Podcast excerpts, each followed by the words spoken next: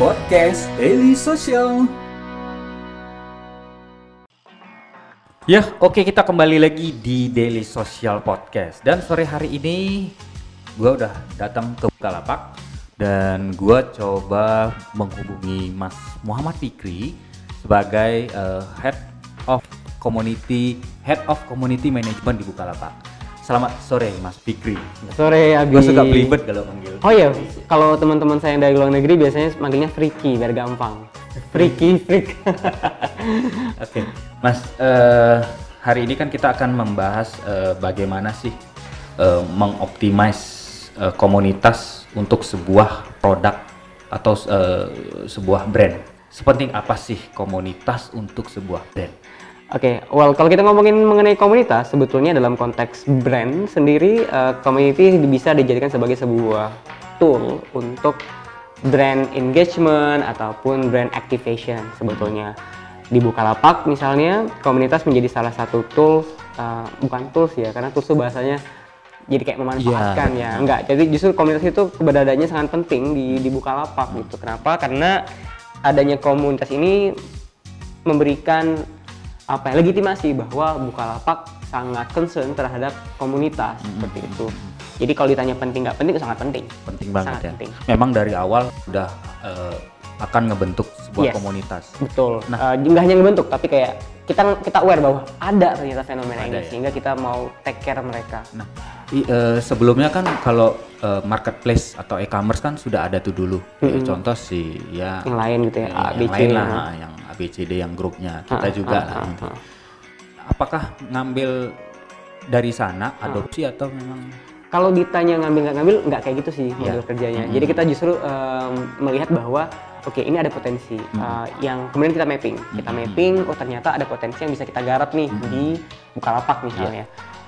Again, kalau Bukalapak ini adalah marketplace dan salah satu eh, usernya adalah pelapak, yang kita lihat adalah justru komunitas pelapak ini bis- yang paling possible untuk digarap. Kenapa? Karena mereka memiliki eh, satu objektif yang sama, yaitu bagaimana caranya agar mereka memiliki omset yang tinggi, ya kan? Betul. Dengan adanya berkomunitas, harapannya mereka bisa memiliki pengetahuan yang baik bagaimana untuk mengoptimalkan fitur yang ada di Bukalapak.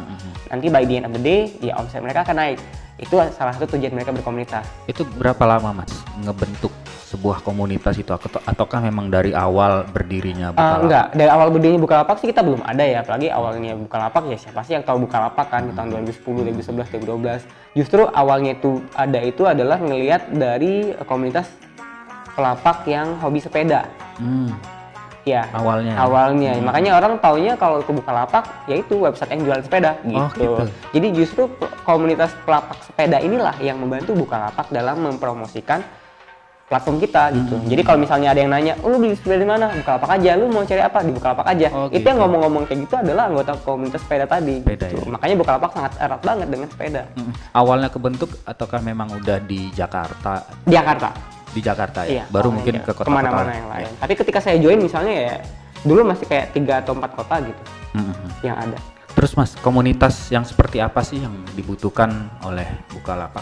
Nah kalau kita ngomongin komunitas seperti apa ya apa aja ya. Mm-mm. Kan kalau kalau kita ngelihat dari definisi komunitas adalah kumpulan orang-orang yang memiliki minat yang sama. Ya, Nah betul. kalau minatnya minatnya ada di marketplace Bukalapak, ya itu sudah sudah bisa membentuk sebuah komunitas Bukalapak. Mm, mm, mm. Kalau misalnya mau membedah dia lebih spesifik lagi, Ya. misalnya komunitas eh, eh, diecast gitu Iya, misalnya. Bang. Ya berarti hanya orang-orang di Bukalapak yang hobi diecast. Diecast, betul. Atau orang-orang eh, yang hobi sepeda ya, berarti itu bisa dispesifikin lagi. Tapi kalau kita di Bukalapak nggarapnya semua. Semua ya. Nggak hanya satu satuan aja gitu saat ini. Saat ini ya. Mm-mm. Eh, nggak tahu nanti besok mungkin bisa jadi kita akan menggarap per, per satu-satu hobi tadi ya. Tapi yang so far sekarang yang saat ini kita garap adalah pelapak komunitas. Eh, komunitas pelapak lah yang yang mana secara objektif mereka memiliki objektif yang sama gimana caranya agar jualan mereka meningkat. Karena salah satu logo sorry salah satu eh, jargon di komunitas Bukalapak adalah eh, nambah ilmunya laris jualannya. Harapannya Oh. dengan semakin sering berkumpul, benar. semakin nambah ilmu Menambah dan semakin laris jualannya. Ada mapping tersendiri Mas, eh, komunitas dari brand apa nih yang kira-kira sampai saat ini Bukalapak concern banget nih. Harus ini harus bener-bener di di keep dipegang kira-kira. Kalau brand sih nggak Kalau dari segi komunitas, apakah memang Bukalapak ada concern tertentu untuk sebuah eh, komunitas yang mewakili brand yang masuk di Bukalapak? Ini menguntungkan banget buat Bukalapak dari mewakili si brand yang ada di Bukalapak. Kalau saat ini em, terus terang arahnya belum ke situ. Mm-mm. Saat ini kita memang lebih fokusnya tadi ke pelapak-pelapak tadi. Karena kalau udah ngomongin pelapak otomatis non brand kan. Kayak siapa pun yang jualan ya udah itu pasti kita tap in, itu pasti kita manage dan kita garap dan kita berikan perhatian luar biasa buat pelapak tersebut. Mm-mm. Tapi kalau tadi pertanyaannya lebih terkait dengan brand tertentu, karena again karena Bukalapak adalah market marketplace yang mewadahi berbagai macam brand. Nah itu juga sangat mungkin untuk digarap. Kenapa? Misalnya katakanlah ada satu brand sepatu gitu misalnya, sepatu merek apa pun ya, baik lokal maupun internasional. Dan kita tahu bahwa ternyata penyuka atau pengguna merek tersebut itu besar gitu misalnya. Nah itu pasti kita garap juga dalam dalam tapi bentuknya berbeda, Oke. pendekatannya berbeda. Karena kan kalau pendekatan ke sana itu lebih ke pendekatan penggunanya kan. Mm-mm. Sementara pendekatan yang selama ini kita lakukan ini pendekatan ke penjualnya. Penjual betul. Jadi pendekatannya berbeda. Kalau ke penjualnya, kita pendekatannya lebih ke berupa kegiatan-kegiatan yang sifatnya pendidikan, ed- edukasi ataupun training, workshop dan lain sebagainya. Agar apa? Agar tujuannya pelapak-pelapak yang bergabung di e-commerce Bukalapak ini memiliki skill yang baik untuk meningkatkan penjualan. Betul. Sementara komunitas brand tadi itu ad- adalah lebih meningkatkan attachment atau em, apa ya sense of belonging mereka terhadap brand yang mereka sukai. Oke. Jadi bentuk kegiatannya nggak kayak yang pelapak Iya, tadi, beda, tapi lebih kayak misalnya uh, event sponsorship Betul. atau ketika mereka butuh bantuan terkait dengan misalnya mereka pengen bikin event apa, ya ya, Iya. ya kayak event sponsorship itu jatuhnya lebih ke sana. Uh, dan tergantung kebutuhan mereka apa juga. Misalnya mereka misalnya mengadakan social charity. Nah, mungkin kita brand bisa masuk ke sana juga. Kayak gitu. Ya Bukalapak lihat kalau memang ternyata masanya besar, Bukalapak sangat support terhadap oke. brand. Intinya sebenarnya eh, kalau memang masih eh, menguntungkan untuk Bukalapak dari sisi awareness dan awareness. ya. Follow us dailysocial.id Dengerin terus podcast Daily Social. harus didukung. Yes, betul sekali. Eh, apakah ada standar ketika brand itu terbentuk? Eh, ketika eh, apa ada standar khusus mas untuk komunitas? Apakah memang dari brand itu Harus sudah apa, terbentuk? harus apa, harus apa Ah, gitu ah, ya. Sudah terbentuk atau memang harus dibentuk secara manual?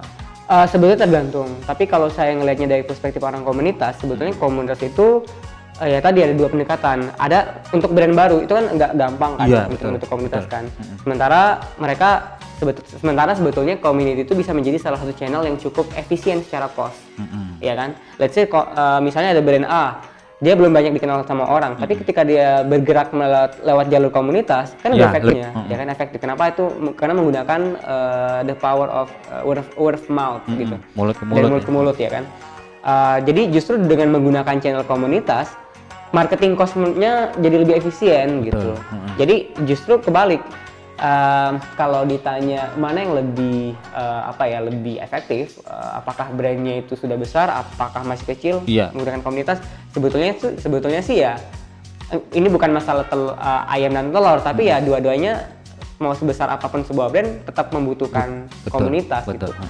Kita ambil contoh misalnya komunitas yang besar, eh sorry uh, brand yang besar bisa jadi brand ini udah gede, tapi sebetulnya secara community nggak begitu digarap. Betul. Tapi komunitasnya ada sebetulnya. Betul. Tapi ini bisa jadi bumerang kalau misalnya komunitasnya nggak di manage gitu. Siapa siapa tahu gitu. Siapa tahu misalnya ketika let's say ketika komunitasnya itu apa ya memiliki kekuatan yang justru dapat mendrive atau mensetir kebijakan perusahaan kan bisa kacau Betul. kalau nggak di manage. Betul. Makanya tadi brand yang besar, gitu kan, exactly, loss, brand yang besar kalau misalnya komunitas yang ada itu nggak di manage dengan baik itu bisa bisa bumerang. Betul. Contoh misalnya ada perusahaan transportasi online, mereka punya komunitas eh, drivernya gitu ya. Hmm. Kalau nggak di manage kan itu bisa jadi kayak, you know, mereka demo apa segala macam gitu kan, kan bisa bahaya. Ketika produknya nggak bagus, jelek atau ada Iya, yang pihak-pihak exactly. yang nggak bertanggung Jadi jawab. harus di manage. Sementara itu itu kebutuhan buat brand yang besar. Betul. Sementara buat kebutuhan ko- brand yang kecil, ya dia dengan komunitas itu lebih memanfaatkan channel komunitas untuk tadi awareness, jualannya mereka. Karena kan Betul. mereka masih baru. Sementara mereka untuk beriklan dan lain sebagainya itu belum punya Iya, budget. belum punya budget. gitu. Nah, kalau untuk eh, perusahaan sendiri, Mas, brand yang seperti apa nih yang eh, yang bagus untuk sebuah komunitas? Ah, Apakah sebetul- brand memang eh, brand mungkin banyak ya mungkin dari sisi fashion atau segala macam.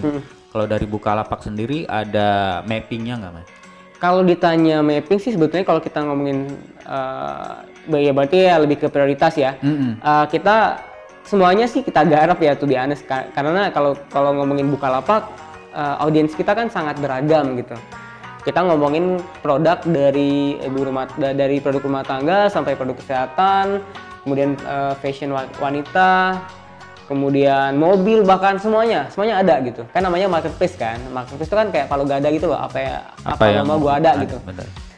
jadi semuanya eh, kita nggak ada spesifik brand apa yang yang katakanlah perlu di manage gitu. Ya semuanya aja sih.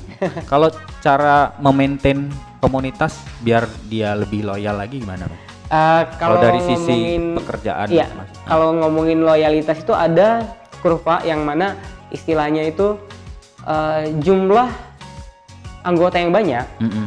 Itu tidak melulu berbanding lurus dengan tingkat loyalitas atau tingkat engagement. Betul. Justru tingkat engagement tingkat engagement yang tinggi itu didapat dari komunitas yang base-nya mungkin lebih sedikit. Mm-mm. Sementara komunitas yang base-nya lebih besar, lebih besar, itu tingkat engagement-nya juga lebih rendah. Ya iya dong, kayak contoh kita aja kalau di kelas jumlah kelasnya ada 100 orang, emang kita kenal semua. Eh, Emang kita deket ke semuanya, enggak kan? Nah, logikanya sih sama ketika kita memanage sebuah komunitas. Jadi kalau kita ngomongin mengenai loyalitas gimana caranya cara meningkatkannya? Kalau saya eh, kalau dari perspektif saya atau dari pengalaman saya manage komunitas Bukalapak, kita mapping leader-leadernya. Oke. Gitu. Jadi ada empat ada lebih dari 4 juta pelapak yang ada di Bukalapak. Nggak mungkin kita engage ke 4 jutanya. Secara resource terbatas. Uh, jadi yang kita lakukan adalah prioritas. Dengan cara apa? Kita mapping tuh di tiap kota lokal leadernya siapa aja. Mhm, Berarti yang kita mapping adalah influencer-influencer within the community context. gitu. Jadi kalau kita ngomongin komunitas pelapak ya berarti siapa nih yang jadi koordinatornya gitu, yang yang memiliki kemampuan leadership yang baik dalam memanage anggota di bawahnya. Gitu. Dengan kita misalnya men- eh, nge-tap ke lokal leader ini sudah cukup. Ya. Jadi kita nggak harus misalnya capek-capek semuanya harus Iya. di-engage. Lokal leadernya aja, pemimpin-pemimpinnya aja. Kita bekali tuh mereka dengan apa? Dengan uh, skill, dengan kemampuan memanage, dengan kemampuan project management, dengan kemampuan public speaking. Sehingga ketika mereka kembali ke kota masing-masing, mereka punya senjata untuk uh, tadi memanage anggotanya. Mm-mm. Dengan kayak gitu lebih efektif dan lebih engage ke Iya. mereka. Eh, kalau dar- dilihat dari eh, revenue ini mas, ada kaitannya nggak mas? Oke, ada dong. Kenapa? Karena em, teman-teman yang kita engage di komunitas itu paling nggak itu udah menjadi eh, udah menjadi committed usernya kita. Jadi ya katakanlah setiap bulan mereka menghabiskan sekian untuk eh, budget promosi lapak mereka di Bukalapak sekian gitu ya. Mm-mm. Nah dengan kita engage mereka setiap bulan, setiap minggu bahkan, ya mereka mau nggak mau pasti akan itu semua, Uh, melakukan itu semua, melakukan expense itu semua. Kenapa? Karena secara nggak langsung mereka tuh sebetulnya sudah menjadi bagian dari VVIP-nya Bukalapak. Mm-mm. Jadi ketika mereka punya masalah, punya problem, itu bisa langsung lewat tim komunitas. Betul. Jadi mereka kita treat mereka sebagai VIP. Kalau eh, selain revenue dan brand awareness mas, ya apa yang sudah didapat eh, dari Bukalapak? Evangelis sih. Jangan lupa subscribe di soundcloud.com podcast daily social. Evangelis itu kan ya ini ya definisi evangelis adalah orang-orang yang secara sukarela mau membantu sebuah perusahaan untuk mempromosikan perusahaan tersebut baik produknya ataupun jasanya. Nah, yang kita rasakan betul dari komunitas ini selain tadi awareness dan juga revenue, ta- eh, tapi juga evangelis evangelis. Kita dengan banyaknya komunitas yang kita manage, dengan banyaknya lokal leader yang kita manage, semakin banyak pula evangelis evangelis yang lahir dari kegiatan-kegiatan komunitas. Yang again, evangelis ini sangat penting sekali pa- dalam sebuah perusahaan karena mereka lah yang menjadi daya hard daya hardnya Bukalapak. Paling Jadi Bukalapak mau jatuh kayak apa pun mereka tetap akan ngebelain Bukalapak. Paling nggak mereka juga bisa ngasih insight dong, Right. yang yang baik-baiknya biar Betul. Bukalapak. Bahkan yang buruk-buruknya pun mereka akan dengan Oh, iya. frontal akan bilang ke Bukalapak sebagai bentuk kepedulian mereka Mm-mm. terhadap perkembangan Bukalapak ke depan. Eh, kesulitan tersendiri mas dalam membangun komunitas. Kesulitannya sih sederhana ya, lebih ke kalau kita ngembangin komunitas itu kan kayak ngembangin orang ya. Hmm. Ini sebetulnya kayak kayak tugasnya Kementerian Sumber Daya Manusia gitu. Iya betul. Iya kan? Atau Kementerian eh, UMKM dan Koperasi, Hmm. ya kan? Atau atau apa ya? eh, Kementerian Urusan Wanita. Karena kita juga punya pelapak-pelapak perempuan kan Iya. komunitas itu kan. Jadi sebetulnya sangat kompleks. Jadi kalau ditanya kesulitannya apa, ya ya banyak tapi itu bukan sesuatu yang kemudian menghalangi kita justru itu menjadi challenge buat kita gimana caranya agar uh, teman-teman anggota komunitas yang memiliki karakteristik yang berbeda-beda ini yang memiliki kebudayaan yang, berbeda ini itu bisa uh, satu dalam uh, sebuah objek, objektif yang sama yaitu menaik kelaskan UMKM gitu. Kalau contoh yang paling lengket banget mas Contoh di apa pengalaman dalam mengalami kesulitan ini apa mas kira-kira? Mungkin yang paling berkesan banget lah apa? Apa ya? Uh, mungkin kalau ditanya kesulitannya ya tadi uh, karena Yang paling nempel banget nih kesulitan gua kayaknya nanganin si ibu-ibu kah atau nanganin si inilah ada nggak? eh ya macam-macam mas. ya agak susah sih saya menjelaskannya. Tapi kalau misalnya ngomongin ibu-ibu deh misalnya, ya itu kesulitannya juga beda-beda. Kayak sama ibu-ibu kan mereka lebih agak susah ya, agak susah dalam artian memanage mereka ya. Eh, kalau misalnya kita ajarin ngelapak gitu misalnya, itu pertanyaannya bisa sangat detail dan sangat receh gitu.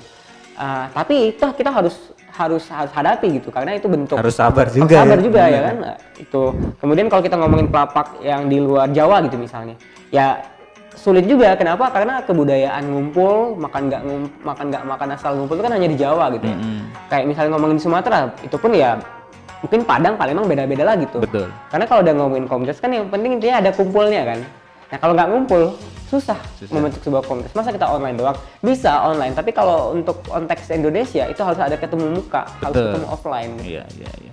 Eh, kalau dari kesulitan tadi Mas, kira-kira dari seluruh Indonesia nih, kota mana Mas yang paling sulit untuk dibikin komunitasnya ya Mm-mm.